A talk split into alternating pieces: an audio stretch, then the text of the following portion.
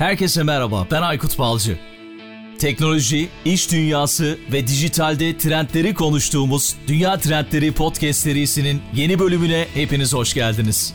Dünya Trendleri Podcast'in 77. bölümünden herkese merhaba. Bu bölümde teknoloji şirketleri dünyayı nereye götürecek adlı bir başlık seçtik ve bu bölümde danışman ve yazar Doktor Murat Kubilay konuğum oldu. Teknoloji şirketlerinin günümüzdeki etkileri üzerine güzel bir podcast gerçekleştirdik. Güzel ve verimli bir bölüm oldu. Ben yine çok şey öğrendim. Umarım sizler de yararlanırsınız. Çok şey öğrenirsiniz. Dünyatrendleri.com bizim web sitemiz. Aynı zamanda sosyal medya hesaplarımız var ve tüm podcast platformlarından bizi takip edebilirsiniz. Ayrıca Ekşi Sözlük ve Apple Podcast gibi platformlardan da yorumlarınızı bekliyorum. Bir de destekleriniz için Patreon hesabımız var. Oradan da destek olmak isterseniz kendinize uygun bir abonelik modelini seçip destek olabilirsiniz. Tüm bunların bağlantıları podcast'in açıklama kısmında sizleri bekliyor. Her şeyi söylediğime göre o zaman hazırız. Yeni bölüme 77. bölüme başlıyoruz.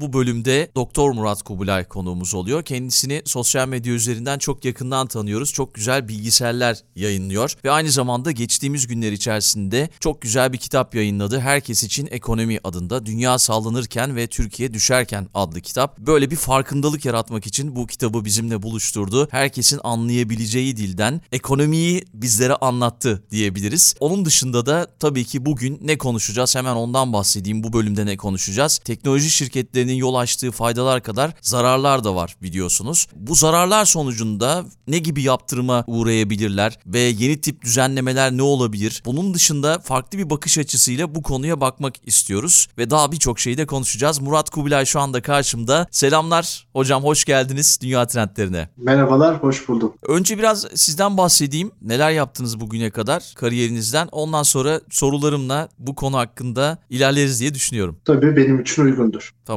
Lisans ve yüksek lisans öğrenimini ODTÜ'de işletme ve finansal matematik bölümlerinde tamamladıktan sonra aynı üniversitede araştırma görevlisi olarak görev yapmışsınız ve sonrasında İstanbul'a taşınıyorsunuz ve burada yerli ve yabancı portföy yönetimi şirketlerinde hisse senedi, emeklilik, yatırım fonları müdürü olarak çalıştıktan sonra da doktora çalışmalarına Marmara Üniversitesi'nde başlıyorsunuz. Sonra King's College London'da uluslararası finans alanında doktoranızı tamamladıktan sonra Londra'da Kobe ölçeğindeki şirketlere finansal, kurumsal danışmanlık verdiniz ve hala da vermeye devam ediyorsunuz. Ve şimdi Türkiye'de finansal ve kurumsal danışmanlık hizmetleriyle yine kariyerinize devam ediyorsunuz. Şöyle tanımlamışsınız kendinizi Twitter hesabınızda eski akademisyen, geçmişte fon yöneticisi, bugünün danışmanı, epey finans, yanına matematik, üstüne iktisat demişsiniz. Belki sizin eklemek istedikleriniz olabilir. Yani benim alanım doğrudan uluslararası finans oluyor. İzleyicilerimiz iktisat, finans veya bunların alt dalları arasındaki ayrımları genellikle kaçırırlar. Çok doğaldır. Çünkü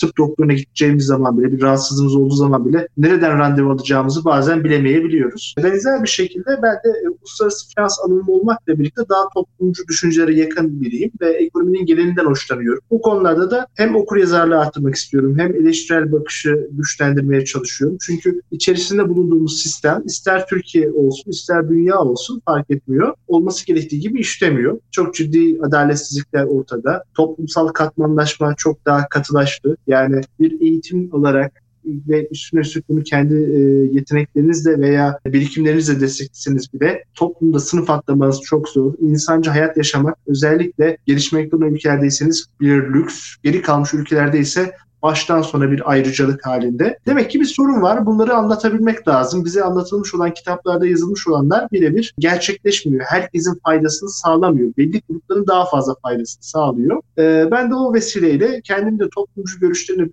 bir araya getirerek bir kitap yazmaya çalıştım. Tabii biraz şaşırtıcı oluyor bu görüşlerimin e, kökeni. Çünkü normal şartlarda finans piyasaları çalışmış ki hatırı sayılır büyüklük konular. Bugün milyar dolar büyüklük konulardan bahsediyoruz. Türkiye için özellikle. Gelen insanlar çok daha bireyci bir bakış açısına sahip olurlar. Kendilerini kurtarmak, lüks araçlar, iyi yerlerde evler ve bol seyahatle bir şekilde bir hayat gayesiyle yola çıkarlar. Tabii ben de hayatımın belli dönemlerinde daha iyi koşulları bu mesleğin neticesinde yaşadım. Fakat şunu gördüm. E, ben bence en önemli bir şey bir kişinin gelmiş olduğu toplumsal sınıfı geride bırakmadan onunla birlikte onu da yanında tekleyerek daha üst bir segmente taşımaya çalışması. Yani tüm bu kitap çalışmamın da arkasında bu var. Bu nedenle de kitap benim adıma bir maddi amaç taşımıyor. Zaten bu nedenle de e, şahsım adına olan tüm telifi Çağdaş Yaşamı Destekleme Derneği'ne bağışladığımı peşinen ön sözde de belirtmiş oldum. Dolayısıyla okuyucular beni okurken, dinlerken görmüş oldukları şey şu oluyor. Bir taraftan güncel piyasa gelişmelerine dair analizler. Diğer taraftan bence daha zevkli ama genelde çok olay odaklı ve gündem odaklı olduğumuz için toplumun daha az ilgi gösterdiği, şüpheci eleştirel bakış içerisindeki daha küresel trendler, dünyanın nereye doğru yol aldığı, Türkiye'nin nerelere doğru sürüklendiğine dair kısımlar. Kitapta bu ikinci kısmı daha çok ağırlık verdim. Diğer kısmı zaten hep konuşuyoruz. Merkez Bankası ne yapacak, işte maliye ne olacak, ABD Merkez Bankası ne yapabilir, yaptırımlar olur mu olmaz gibi popüler konuları hep konuşuyoruz. Bu sefer biraz daha böyle hem bir taraftan hiç bu konuları bilmeyen, dinlemeyen,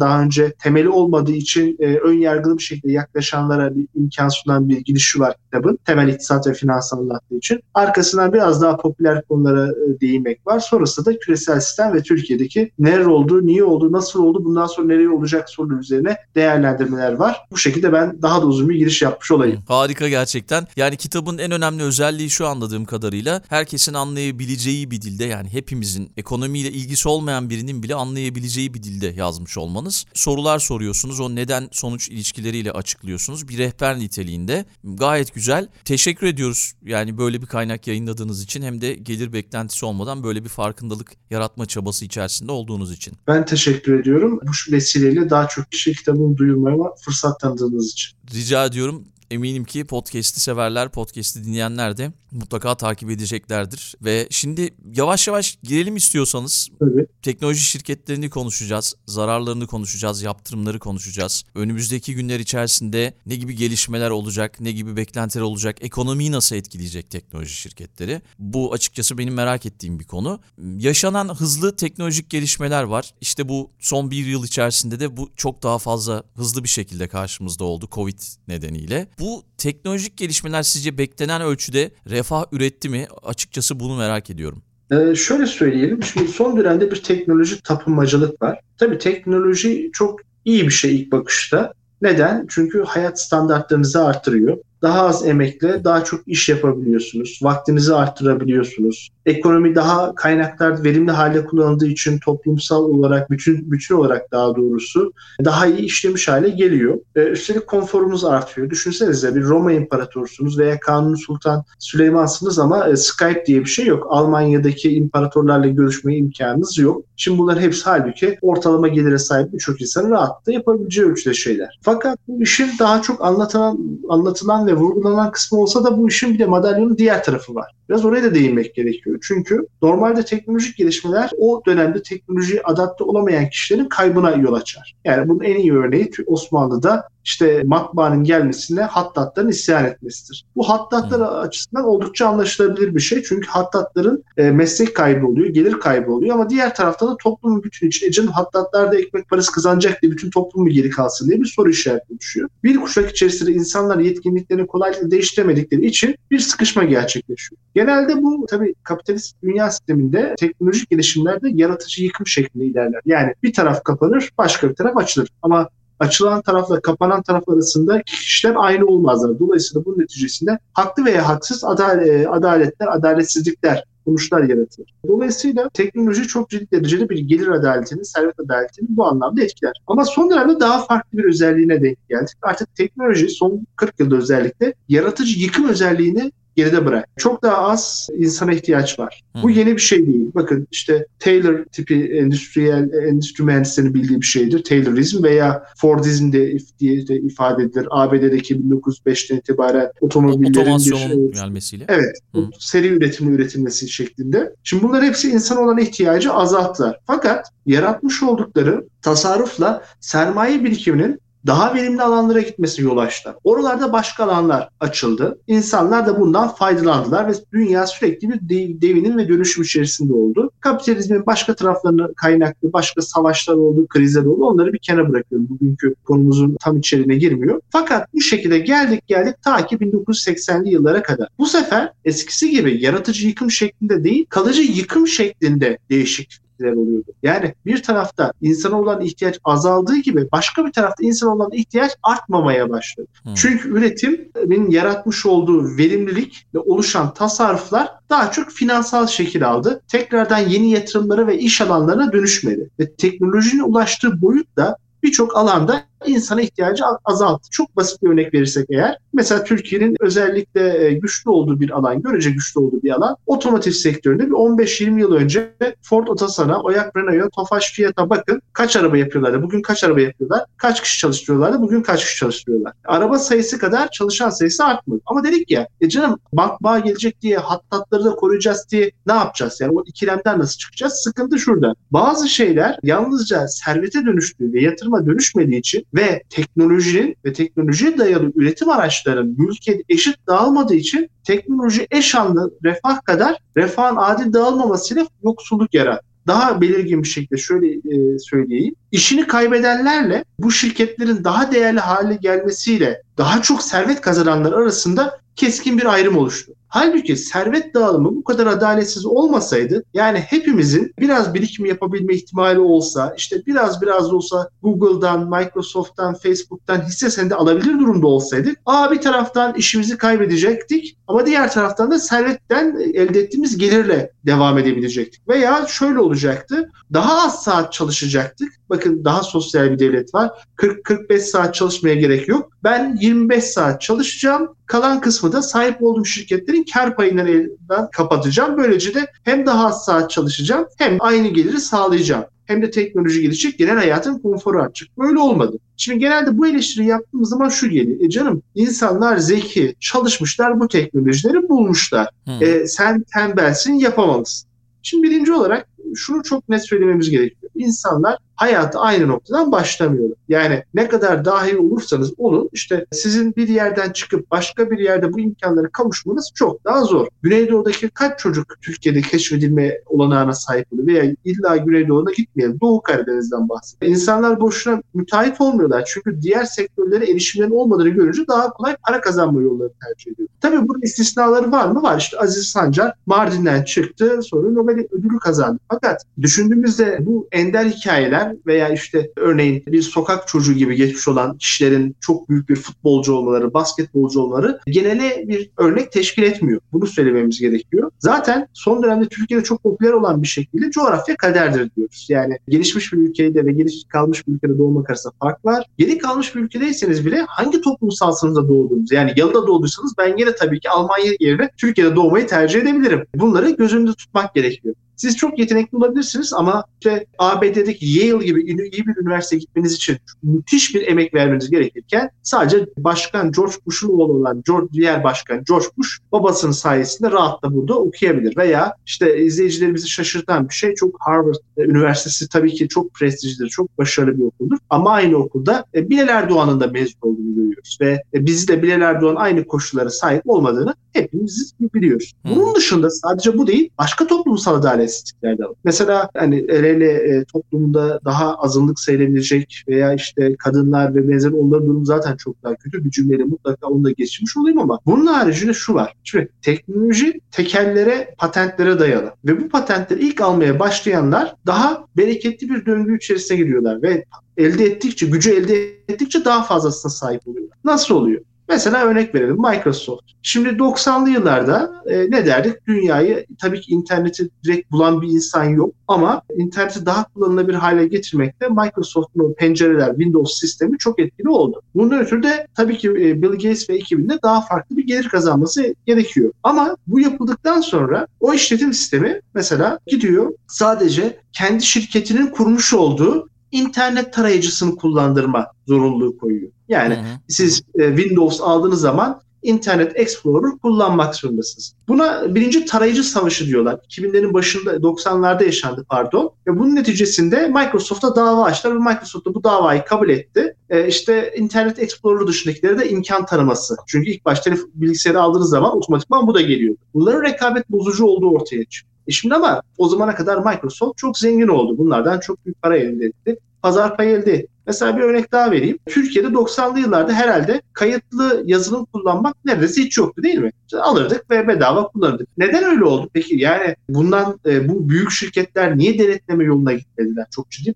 para kaybediyorlar normal koşullarda. Neden yapmadılar? Çünkü amaçları piyasaya ele geçirmek. Siz bir ürünü zaten ABD'de üretmişsiniz. Dünyaya bunu yayıyorsunuz. Ha bir tane ha iki tane. Hepsinin maliyeti aynı. Çünkü bir patent üretilmesine bakıyor. Sonrasında bir hı hı. fiziksel üretim yok. E şimdi o esnada Türkiye'den çıkabilecek olası bir yerli ve milli rakibi ilk başta siz bunu bedava sunarak yok etmiş oluyorsunuz. Herkes bu bedavayı kullanmaya başlıyor. Herkesin bakış açısına, kullanım kolaylığına bu yerleşiyor ve sonrasında bir gün diyorsunuz ki ben artık bunu parayla satacağım. Daha ciddi hmm. denetimler yapacağım. O ben zaman ne oluyor? Bu ya, açıdan bakmamıştım açıkçası. İşte o çünkü şöyle Dünya Ticaret Örgütü kanunlarına göre, onun koyduğu yönergelere göre dumping yasak. Mesela Microsoft İngil ABD'de 20 dolara sattığı bir şeyi Şimdi dolar kurunu 8 e, lira 25 kuruş sayalım. 165 TL'den daha ucuza Türkiye'de satamaz. Satarsa fiyat düşürme yapıp pazarı ele geçirmeye çalışıyor. Bu kötü niyetli bir durum oluyor. Şikayet edildiği zaman mutlaka mağlup oluyor.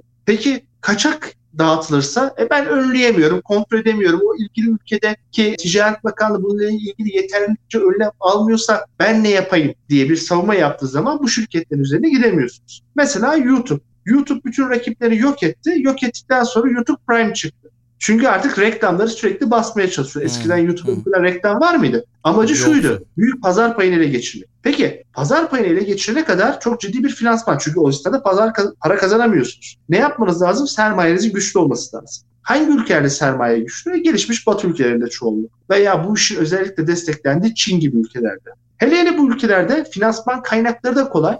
Yani bir Wall Street bankasından neredeyse sıfır kredi, sıfır faizi kredi alabiliyorsunuz. Ama aynı faizi Londra, New York dışındaki yerlerde yani İstanbul'da, Ankara'da, Adana'da alamıyorsunuz. Hı hı. E, dolayısıyla ister istemez bir adaletsizlik oluşuyor. Bu şekilde tekelleşme haline geliyor. Sonrasında mesela yine devam ediyor. Bu şirketler birçok şeyi kendileri bulmuyorlar. Dünyanın açık ara en büyük askeri bütçesi ABD'dedir. Ama ABD bunu tamamını silah satın almaya kullanmıyor. Patentlere veriyor. Yani asıl o en büyük paralar patentler üzerine. ABD Savunma e, Bakanlığı'nın asıl harcamalarında patentler çok ciddidir. Bu patentlerle ne yapıyor? ABD devleti gidiyor bir nevi teşvik vermiş oluyor bu teknoloji şirketlerine. Nasıl veriyor? İşte bir teknolojinin ilk baştaki arasındaki buluşundan sonra ilerletmesini onlara bir hibe olarak veriyor. Örneğin internet, internetin pardon arama motoru. Arama motoru sadece Google tarafından bulunmadı ama çok popüler hale gelmesi, yaygınlaşması Google. Ama Google'ın önünde belli bir hazır platform kondu. İnternet mesela ilk ABD ordusunun çıkardığı bir şeydir. Sonrasında ABD ordusu bunu ticari bir ürüne dönüştürüp de satmadı. Ne yaptı? Herkesin kullanımına sundu. E tabii ki o esnada teknolojideki en ileri ülke kim? ABD o kurumlar tabii ki daha kolay bunu alıp daha üst teknolojileri çıkarabildiler. Yani Türkiye'den bazı şeyler çıkmıyorsa niye çıkmıyor? E bu nedendir. Hatta enteresan bir durum sorayım. ABD ve Çin dışında yazılım konusunda çok önemli şirketi olan bir ülke var mı? Böyle bir soru sorayım Aykut Bey size. Ya yazılım konusunda ilerlemiş Hindistan'ı biliyoruz. Ee, Ama öyle büyük bir şirketi var mı Hindistan'ın yazılımda? Hiç duydunuz mu? Yani yazılım konusunda iş gücü var diyelim. Ama şirketi yok evet. Herhalde yok evet, yazılım konusunda. Samsung çok konuşuluyor ama o da bir yazılım şirketi değil. Hı-hı. 80'lerde 90'larda Japon teknoloji firmaları işte o Panasonic'ler, Sony'ler almış başına gitmişti. Onların da bu konuda bir ilerlemesi yok. Koskoca İngiltere onun yok. Fransa'nın yok. Kanada'nın yok. Kimin Al- var? Bir Alman- tane Almanya'nın. Almanya'nın SAP'si var. SAP dışında başka hiç yok. Yani Hı-hı. ABD ve işte onun dışında Çin her yeri parsellemiş. Teker durumuna getirmiş halde. E bundan ötürü mesela Google'a çok ciddi davalar açıldı ABD. Pardon Apple'a. İşte burada da vergi ödemeniz lazım diye. Buradan da bir başka soruya geçiyorum. Bu şirketler çok uluslu şirketler. Çok uluslu şirketlerin merkezi rahatlıkla kaydırılabiliyor. Mesela Apple'ın aslındaki merkezi Kaliforniya değil, İrlanda. Çünkü evet. orada vergiler çok düşük. Öyle gösteriyorlar. Sadece o değil, başka birçok şirketin galiba. Orada. Google da Efendim? öyle mesela. Google da öyle. doğrudur. Ee, Birçok şirket böyle gösteriliyor. Niye? Ama satışların çoğunluğu ABD'de veya Avrupa'da ama orada vergiler daha düşük. Böylece e, ne yapıyorlar? Çok uluslu şirket olmanın avantajıyla milyarlarca dolarlık vergiyi ödemekten kurtuluyorlar. Zaten neoliberal düzende yani 1980 e, sonrasındaki düzlemde çok büyük şirketlerin vergi ödemeleri iyice azaldı. En iyi örneklerden biri de Amazon. Dünyanın en büyük şirketi oldu Amazon neredeyse. Sahibi Jeff Bezos 170 milyar dolar kişisel servete çıktı ama kurumlar vergisi 2019'da ödemedi Amazon. Yani hiç para etmeyen, gelir elde etmeyen bir şirket mi ki de hiç vergi ödemiyor? Hayır, vergi sistemi bu şekilde ve birçok yerde vergi cennetlerinden, işte kıyı ötesi finans merkezlerinden, Kayman Adası, Bahamalar, Türkiye'de popülerdir Man Adası, Jersey Adası, Malta, Cebeli Tarık, Güney Kıbrıs, Macao gibi yerlerden geçirdikleri için bunları böyle ödemiyorlar. Ve o zaman ne oluyor? Sermaye güçleri büyüyor. Yeni bir rakip girmek istedikleri zaman onu ezebiliyorlar. Daha başka bir güç oluyor. Sadece bu değil. Mesela San Francisco'da kiralar çok yüksek. Neden? Çünkü çok yüksek maaşlar var. E ne güzel. Şimdi ilk bakışta saf bir bakışta şöyle düşünüyoruz. Ne güzel teknoloji sektörü çok para kazanıyor. Kazandıktan sonra da çalışanlara yüksek maaş veriyor. Onun arkasında başka bir neden var. Yeni çıkan çok zeki, yetenekli insanların işte genelde nereden oluyor? O Kaliforniya'daki işte çok iyi okullar Stanford Hı hı, gibi, hı. işte UCLA gibi veya işte Massachusetts, Boston bölgesi, Cambridge, e, Harvard, Cambridge değil de pardon Harvard, MIT gibi yerlerde o öğrencilerin bir garajda yeni bir proje yaratmasını istemiyorlar. Garajda bir proje yaratmak yeni bir potansiyel rakip demek. Öyle bir ücret ödeyelim ki gelsin bize çalışsın. Böylece zihinlerde bir yaratıcılık tekeli oluşturuyorlar. Girip de bir başkası çalışması. Çünkü şöyle birçoğu yurdum insanı. Orada da öyle yani Amerika'da da yurdum insanı diye bir şey var. Sadece bize özel bir şey değil. E şimdi bu insanlara siz ilk maaşı 500 bin dolar olursa yıllık onların da tabii gözleri fal taşı gibi açılıyor. Ve diyorlar ki ya bir Mark Zuckerberg gibi bir Steve Jobs gibi bunları yapmaktansa ben en iyisi burada çalışayım. Zaten hiçbir şey yapmadan 10 yıl çalışsam 5 milyon dolar o zengin oldu. Bir yandan da şunlar var bu şirketlere gecikmeli olan girenler de çok zengin oldu. Mesela Google uzunca yıllar halka arz edilmedi. Alphabet ismiyle arz edildi Hı hı.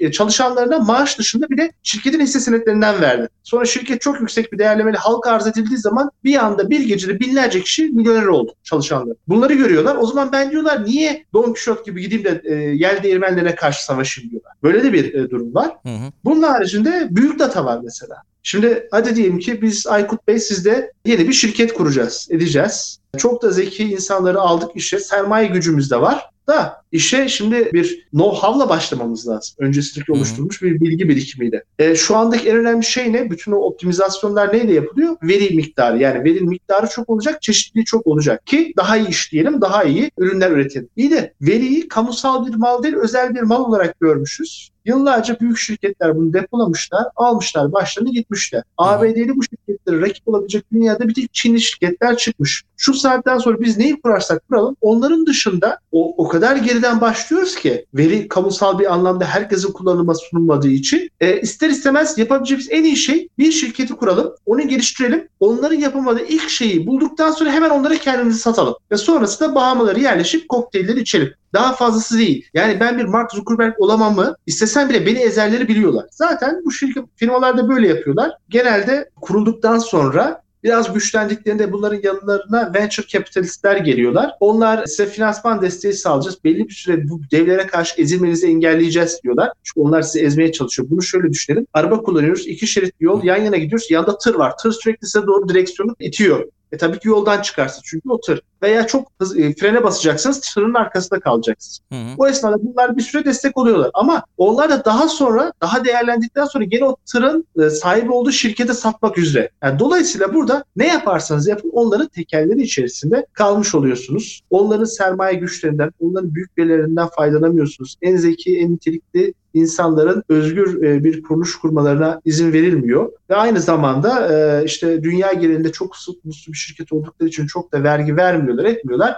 Böyle müthiş bir döngü oluşturuyorlar. Kazandıkça daha çok kazanıyorlar ve sonrasında bunların yaratmış olduğu adaletsizlikler ortaya çıkınca acaba bizi dağıtırlar mı, üstümüze yaptırım gelir mi dedikleri zaman da işte herkese temel gelir, vatandaşlık gelir verelim diyorlar. Çünkü şundan çok korkuyorlar. Ya bu şirketler dağıtılırsa, ya bu şirketler yüzlerce milyar dolarlık ceza yerlerse bunlar da oldu dünya tarihinde. Mesela 1911'de o dönemde Rockefeller hep diyoruz ya işte bu Rothschild, Rockefeller tüm o şey hikayelerinin ana kişilerinden Hı hı. Rockefeller ABD'nin petrol taşımacılığının neredeyse tamamına sahip kişiydi. Böyle bir güce sahipti. 1911'de antitrust davası yani rekabeti ihlal davası açıldı ve bugünkü Exxon, Mobil, son onlar tekrar tam birleşti de Texaco, Chevron gibi birçok devasa kuruluş onun parçalanmasıyla oluşturuldu. Bundan çok korkuyor. Bir de bir tane daha var. Satın alma. Şimdi bir tane daha ben genel bir soru sorayım. Facebook Messenger uygulaması vardı. Çok da başarılı değildi. WhatsApp aldı başını gitti ve WhatsApp'ı 18 milyar dolara yanılmıyorsam satın aldı.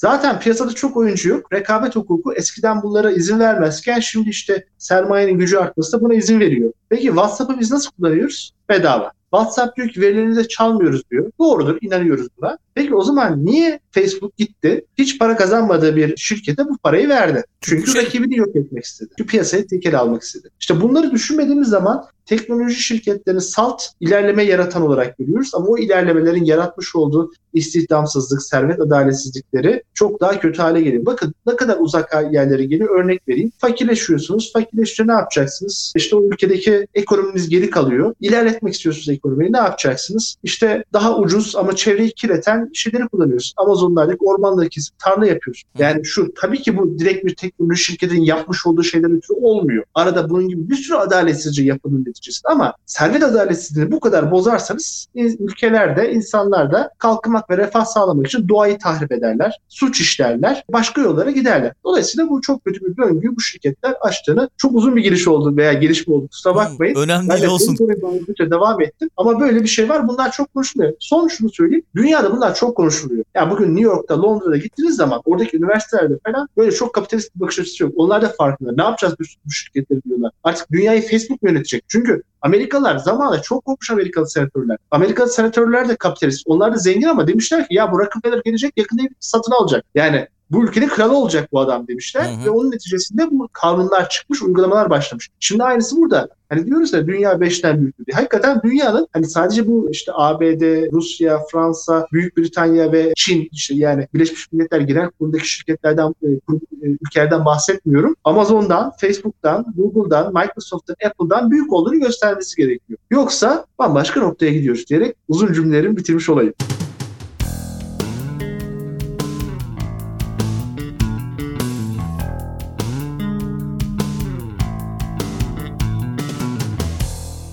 Kafamdaki bütün soruların cevaplarını aldım ama yine de birkaç eklemem olacak. Şimdi birincisi zaman zaman duyuyorum böyle işte hani coğrafya kader midir diye. Hatta bununla ilgili biz bir de bölüm yapmıştık. Böyle Anadolu'dan girişimcileri konuk edip onların da benzer böyle söylemleri oldu. Özellikle girişimcilik konusunda. İkincisi şu dünya üzerinde takip ettiğimiz startupların birçoğunun hatta Türkiye'dekilerinde büyümek böyle çok daha fazla büyümek uzun vadede bir girişim olmak gibi amaçlarının olmadığını gördüm. Sadece kısa vadede bir sıçrama yapıp büyük firmalara kendilerini pazarlayabilmek olduğunu gördüm. Bu konuda da gerçekten çok doğru bir tespit yaptığınız tespit. Diğeri de Örnek yemek sepeti mesela değil mi? Hı, hı. Büyüdü büyüdü, Trendyol büyüdü büyüdü satıldı. Marco Foni. öyle oldu. Evet. satıldı sonra bir yere gitmedi mesela marka foni. Orada da mesela şu da mantıklı. Yerel pazardaki işletmeyi satın alıp yok etmek. Hani sizin verdiğiniz örnek. Onu düşünüyorum. Mesela bunu yapan şirketler de var çok fazla. Uber mesela Orta Doğu bölgesine kendisini genişletmek için 3.1 milyara Karimi satın almıştı. Öyle hatırlıyorum. İşte coğrafi çeşitlendirme de yapıyor böyle şirketler zaman zaman.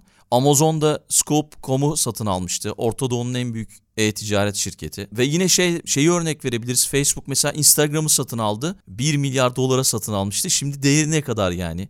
İnanılmaz artmış durumda. O zamanlar satın aldığında sadece 13 çalışanı varmış mesela Instagram'ın. 15 milyon kullanıcısı varmış. Muazzam bir rakam. Şimdi tabii orada güçlü olan hani sizin kitapta da bahsettiğiniz gibi büyük balık küçük balığı yutara geliyoruz bu. Teknoloji şirketlerinin küçükleri satın alıp bir nevi yok etmesi ya da rakip gördüklerini ortadan kaldırması olabilir. Peki şey de oluyor mesela şuna dikkat ettiniz mi? Bir, bir sosyal medya çıkıyor. Büyükler içerisinde konuşalım. Hemen onu büyükler kopyalıyorlar. Yani özelliklerini. Eğer satın alma gerçekleştiremiyorlarsa.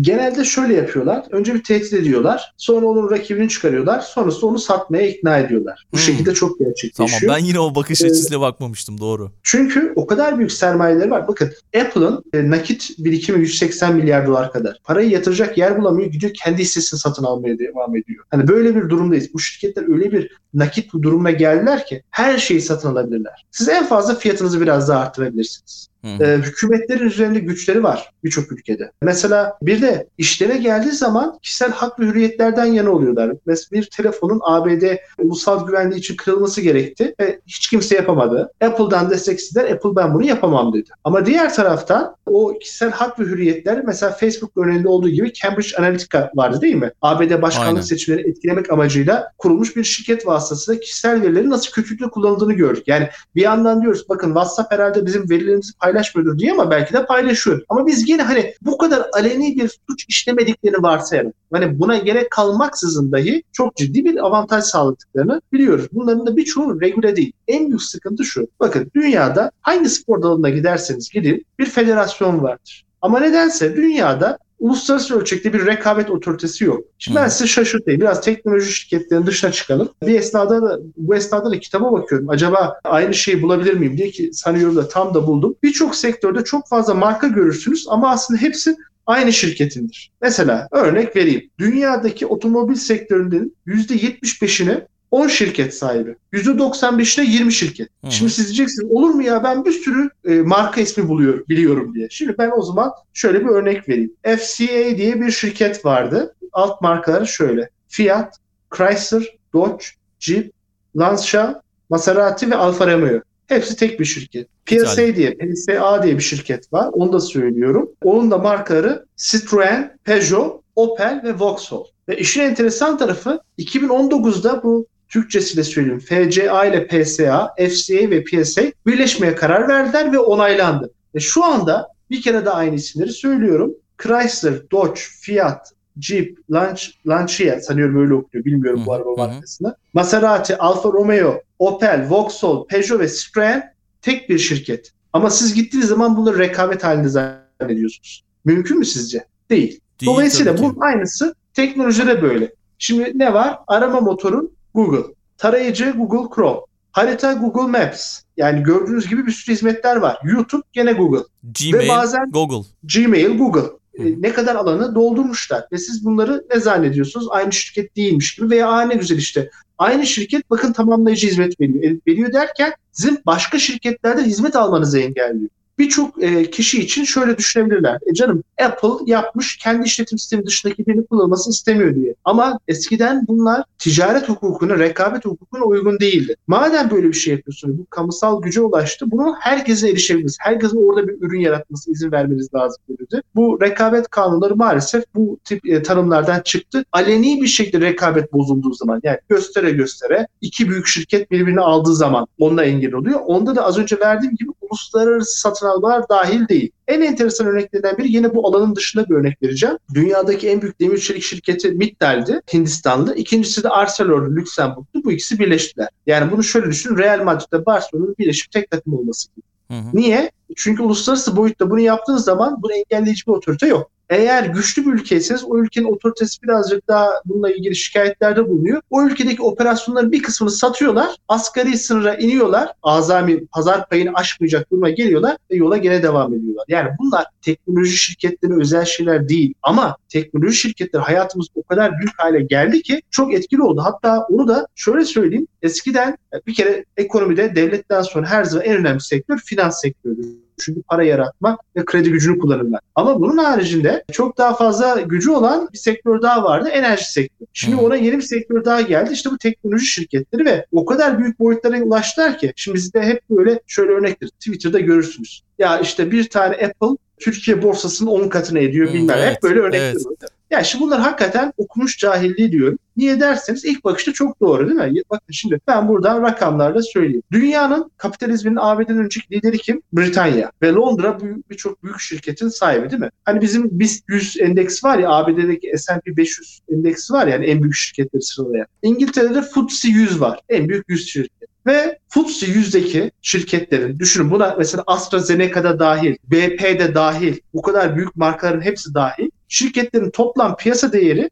Apple'la aynı. Tek bir Apple bir zamanlar güneş batmayan imparatorluk olan İngiltere'deki en büyük 100 şirketin toplam piyasa değeri kadar. Yani siz Türkiye'nin bu mukayese edin. Yani. Daha da ötesi. Kapitalizmin merkezi Amerika'da da örnek veriyorum. Microsoft. Microsoft'un piyasa değeri JP Morgan'ın 4, Coca-Cola'nın 7, Pfizer'ın 8, McDonald's'ın 11, Philip Morris'in 12, Boeing'in 14, General Motors'un 28 ve Ford'un 47 katından fazla. Tek bir Microsoft 47 tane Ford.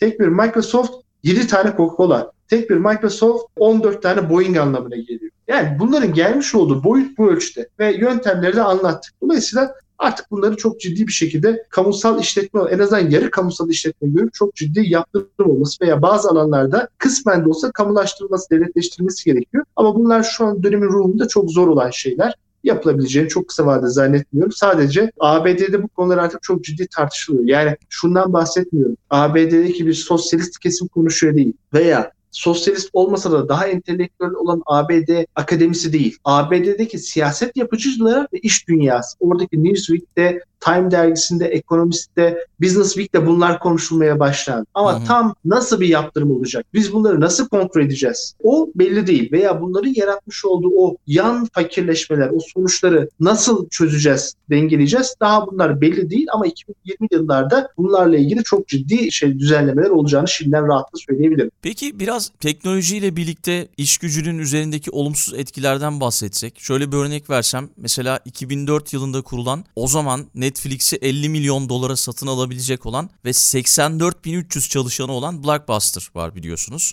Ve işte 400'den fazla da mağazası varmış video kiralama endüstrisinin hakimi o zamanlar. Ve şimdi Netflix onu geride bırakmış durumda haliyle. Yani video kiralamıyoruz tabii ki. O zamanlar satın alma konusunda böyle bir teklif gittiğinde şaka mı yapıyorsunuz siz olur mu öyle şey gibi bir şey demiş CEO'su. Ama şu anda Blockbuster'ın Dallas'ta e, sadece 3 çalışanı ve bir mağazası varmış inanılmaz gerçekten. Netflix'te inanılmaz yükselmiş durumda. Buradan... Ben küçük bir ekleme yapayım bu örneğe. Bunun en tipik örneklerinden biri de Yahoo'dur. Teknolojinin içerisinden gelip çok daha büyüyeceği varsayıldı. Sonra Yahoo bütün hepsinin arasında küçük kaldı ve sonra hatırlayamadım şimdi bir tanesi tarafından satın alındı. Öyle küçük bir şirket durumunda düştü. Halbuki e... 10 yıl önce Yahoo'nun bu devlerden biri olacağı zannediliyordu. Geçtiğimiz hafta bir daha satıldı bu arada. Öyle mi? Ben evet. onu takip ediyorum. Evet, geçtiğimiz hafta tekrar satıldı. Hatta Yahoo ile birlikte bir şirketleri daha var onların hatırlayamadım şimdi. İki şirketi birden böyle 3 milyar dolar daha aza başka bir şirket satın almış. Rakamlara bakarım. O, onunla ilgili linkleri koyarım şey podcast'ın açıklama kısmına. Yani daha önce 9 milyar dolara satıldıysa atıyorum şimdi şu anda 6 milyar dolara satılmış. Yakın zamanda oldu. Çok yakın zamanda.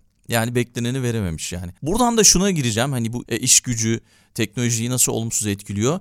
Bir de işte e, bu yapay zeka işin içine giriyor, robotlar işin içine giriyor. Az önce hani yazılımdan bahsettik ya hatta gelecekte bu yapay zeka ile birlikte yazılımcıların bile olmayacağı, yazılımcıların, yazılım mühendislerinin bile iş bulamayacağı falan düşünülüyor. Bu robotlar işte yapay zeka hepsini düşündüğümüzde beyaz yakaya döndüğünde neler olacak? Açıkçası bununla ilgili neler söylemek istersiniz? Şimdi eğer teknolojinin mülkiyeti daha adil paylaşılmazsa sonunun çok kötü olacağını söyleyeyim. En sonunda gerçekten yani komplo teorilerini hiç sevmem ama bir komplo teorisi söyleyeceğim. Ya bir e, nükleer savaş ya da bir, bir tane daha virüs yayılacak dünyaya bize gerek yok zaten deyip aşılamayacaklar bile öleceğiz gideceğiz. Yani çünkü bize gerek kalmayacak. Ama Hı-hı. tabii bu işin şakası teknolojik gelişimler bir taraftan çok hızlı, bir taraftan da çok yavaşlar. Mesela 1969'da Ay'a gidildiği zaman Amerika'daki oldukça itibarlı profesörlere soruyorlar 2000'li yıllarda dünya nasıl olacak diye. Uçan arabalardan bahsediyorlar. 2021 yılı oldu uçan arabayı hayal edemiyoruz. Hatta onu geçtim bu Geleceğe Dönüş filmindeki hafif havada uçan kaykayı daha göremedik. Hı hı. En fazla scooterları görebildik. Yani demeye çalıştığım şey teknoloji bazı açılarda hiç beklemediğimiz bir hızla gelişiyor. Mesela Müfettiş Gadget çizgi filmi vardı değil mi? Orada işte kız çocuk koluna bakıp o saatten konuşurdu. Onun çok daha gelişmiş de gerçekleşti. İşte bu akıllı telefonlar onlar oldu. Müthiş bir teknoloji. Şu anda ben de akıllı telefonla bağlanmış durumdayım. Bunlar da oldu. Yani o ilerlemeler bazen belli olmuyor. Bazı alanlar çok ilerliyor, bazı alanlar çok yavaşlıyor. Biraz kapitalizmin akışıyla da ilgili. Şunu da söyleyeyim. Mesela benim çocukluğumda yani 80'ler 90'larda uzay teknolojisi çok önemliydi. Hı hı. NASA'da çalışmak dünyadaki en önemli makam gibi bir şeydi. Yani ya ABD başkan olacaksınız ya da NASA'da çalışacaksınız. Böyle prestij olarak böyle görülür. Bir de Wall Street'te çalışacaksınız. Hayat böyle ifade edilirdi. E şimdi sonra çok uzun yıllar uzay teknolojisi geri planda kaldı. Uzaydaki o Sovyetler Birliği ABD rekabeti bitince. Şimdi yeni yeni son 5-10 yıla tekrardan gündeme geldi. Yani 1995'ten 2015'e kadarki olan bir 20 yılda duraklamalar yaşadı. Başka sektörler ilerledi. Kimse genetiğin bu kadar ilerlemesi beklemiyordu. Onlar ilerledi. Şimdi dolayısıyla yapay zeka elbet bir gün gelecek biliyoruz. Ama düşündüğümüz kadar hızlı gelecek kısmına ben bir soru işareti koyuyorum. Yani geçmişteki çok öngörülen birçok ilerleme o kadar da hızlı olmadı. Onun yerine başka ilerlemeler oldu. Bunları e, hesaba katmak gerekiyor. İki, bir de şu çok oluyor. Tabii vatandaşların, insanların kolay anlayabilmesi için genelde üç boyutlu yapay zeka uygulamaları örnek veriliyor. İşte bir sekreter, görünümlü robot yapıyorlar. Ama buna gerek yok. Yani bir basit bir e, işte kibrit kutusu kadar bir şey tamamıyla işlemcilerle doluysa içerisi o görevleri yapabilir. Tabii sekreter gibi ayağa kalkıp yürüyemez ama bütün hesaplamaları, planları, programları size sunmayı. Zaten şu anda bizim Outlook diye kullandığımız bir program belki daha yapay zeka düzeyinde değil ama neredeyse bir sekreterin rolünü üstleniyor. Ona birazcık daha sizi tanıdıktan sonra sizden elde ettikleri bilgileri ve insanların genelindeki beklentileri de hesaba katacak bir şekilde daha iyi yazılımlar konduğunda kendi kendisi geliştirebilmeye başlayacak. İşte o zaman hakikaten bunlar olacak. Yani bunu şunu için söylüyorum. Yapay zeka deyince aklımıza hep böyle robotlar yürüyorlar. O işte güzel bir yapay zeka filmi vardı. Onun gibi böyle insana benzeyen cihazları düşünmemek gerekiyor. Bunu ekleyeyim. E bunlar olduğu zaman tabii ki insana çok daha az ihtiyaç kalacak. Normal şartlarda daha adil bir toplum yapısı olsa bizim dünya tarihindeki daha önce hiçbir türün sahip olmadığı güce erişmiş olduğumuz için bizim biraz daha kenara geçip çimlerde yatıp felsefe konuşmamız, spor yapmamız, sanatla ilgilenmemiz, bilimle uğraşmamız gerekiyordu. Ama para kazanmak için değil, keyif için, eğlenmek için, hoşumuza gittiği için, o kişisel tatmini yaşadığımız için. Ama onun yerine hayatta kalmak için hala çalışmak zorundayız hepimiz. E diğer tarafsa yani 3 kuşak 5 kuşak dahi olsa bitiremeyecekleri paralara sahipler. Ve teknoloji bunun maalesef arkasındaki ana nedenlerden biri. Yani teknoloji tapınmacılık diye bir deyim kullanmıştım en başta. Ona böyle şüpheyle yaklaşmak gerekiyor. Oradan gelen refah toplumun tamamına yansımıyorsa ki bu çok ciddi derecede olumsuz etkiliyor. Artık yaratıcı yıkım dönemi tamamen değil ama kısmen bitti. Yani kapitalizmin bu şekilde yaratmış olduğu işle teknoloji sonuçta ve öldürmüş olduğu iş arasında bir dengesizlik oluştu. Başka bir kötü yerlere gidiyoruz. Hatta bunu sağlamasını yapmak da çok kolay. Dünyanın en iyi üniversitelerinden 40 yıl önce mezun olduğumuz zamanki toplumsal statümüz de bugünkü aynı değil. Daha kötü. Niye? Çünkü yetenekli insan sayısı çok arttı. Yetenekli insana olan ihtiyaç o kadar artmadı. Yani insanlık tarihinde bırakın mavi yaka, sıradan işçiyi veya mavi yakadan da daha zayıf olan, en eski usulde tarım yapan, düz kol gücünü yetenekli insanlara olan bile ihtiyaç azaldı. Artık hmm. o kadar çok pozisyon yok. Dünyanın en mesela az önce bahsettim çok iyi maaşlar var dedim Kaliforniya'da ama belki de 10 yıl sonra bu kadar olmayacak. Gerek kalmayacak. Çünkü tamam çok zekisin, daha iyisin ama artık biz senden korkmuyoruz. Rekabetteki fark o kadar büyük açtık ki sen bütün dehanı ve girişimciliğini kullansan bile bize yetişemeyeceksin. Seni rahatça ezeriz denilerek bu insanlara o ücret bile verilmeyecek. Belki de böyle olacak. Bir distopyanın bir parçası. Özetle istihdamı öldürdü. Kar payı çok büyük ama o da adil bir şey dağıtılmadığı için teknoloji salt bize iyilik getirmiyor. Bu getirmiş olduğu diğer taraflarını da görmek lazım. Teknoloji tapınmacılık yanlış Doğrusu teknolojinin ödüllerinin adil bir şekilde paylaşılmasıdır. Adil sözcüğü sadece emekle kıyaslanamaz. Çünkü insanlar hayata aynı noktadan başlamıyorlar. Aynı noktadan başlama fırsatı verilirse işte o zaman insanları ne kadar çalışıp çalışmadıklarını sorumlu tutabilirsiniz. Ama şu anda geri kalmış bir ülkede yaşayan veya gelişmiş bir ülkenin dezavantajlı bir konumunda yer alan bir kişinin hiçbir zaman bunlara ulaşma imkanı olmadığını söylemek gerekiyor. Aradaki o müthiş başarı hikayeleri bu çok daha büyük genel geçer bir durumu değiştirmek için maalesef yeterli olmuyor. Peki son bir soru sorayım. Dünya ekonomilerinin merkezinde neden Amerika var? Belki bunun cevabını alırız, veda ederiz, kapatırız diye düşünüyorum. Bunun tabii çok nedenleri var. Bir ABD doları bir rezerv para. İkinci Dünya Harbi'nden sonra bir dünya sistemi kuruldu. ABD bunun ortasına geçti. Diğer büyük ülkeler hep onun müttefiki oldu. Avrupa Birliği, Japonya, Britanya gibi. Bunlar etkili. Dünyanın en büyük pazarı hala olması etkili patentlere dayalı hakların şu andaki dünyadaki ticaret en önemli kısımlarından biri oluşuyor. Burada Çin'in en sondaki meydan okumasına rağmen hala lider. Bunun haricinde Hollywood filmleri var. Bilinçaltımızda hep ABD kültürünü yansıtıyorlar. Evet. Bunun avantajı var. Dünyanın en iyi 500 üniversitesinin 200'ü hala Amerika'da. Böyle avantajlar var. Üstelik de en zekiler o ülkede belki de Amerikalılar bile değil ama en zekilerin en çok gitmek istedikleri ülke. Yani bütün bunları hesaba kattığımız zaman ABD belli bir süre daha dünyanın zirvesine oturacak ama o zirveden hep birazcık daha düşecek, düşecek, düşecek ama öyle tahmin ediyorum ki rahatlıkla bir 10 yıl için söyleyebilirim ama 30 yıla kadar da uzayabilir. Benzer bir süreci yaşayacağız. Yani ABD zayıfladıkça güçlü pozisyon kuracak. Tabii ki Çin yükselecek. Tabii ki Avrupa Birliği'nin etki alanı kendi bu coğrafyası en azından artacak. Japonya veya Britanya gibi yer ABD ile bu kadar birebir aynı çizgide olmak zorunda kalmayacaklar. En azından kendi bölgelerinde daha bağımsızlıklarını ilan edecekler. Yani ABD hegemonyası azalacak ama onun yıkılması için iki tane çok önemli gücün dağılması gerekiyor. Biri finans gücü, diğeri de teknoloji gücü.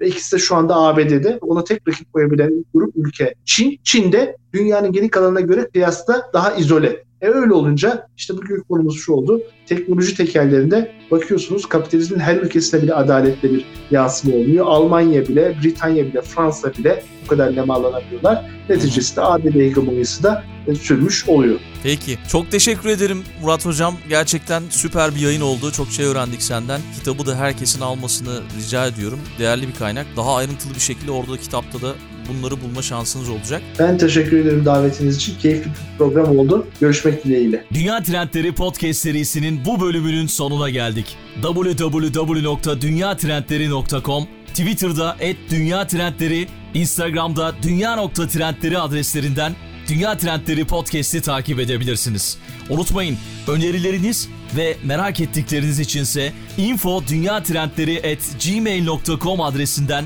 mail atabilirsiniz. Bu bölümü dinlediğiniz için çok teşekkürler. Yeni bölümde tekrar buluşmak üzere.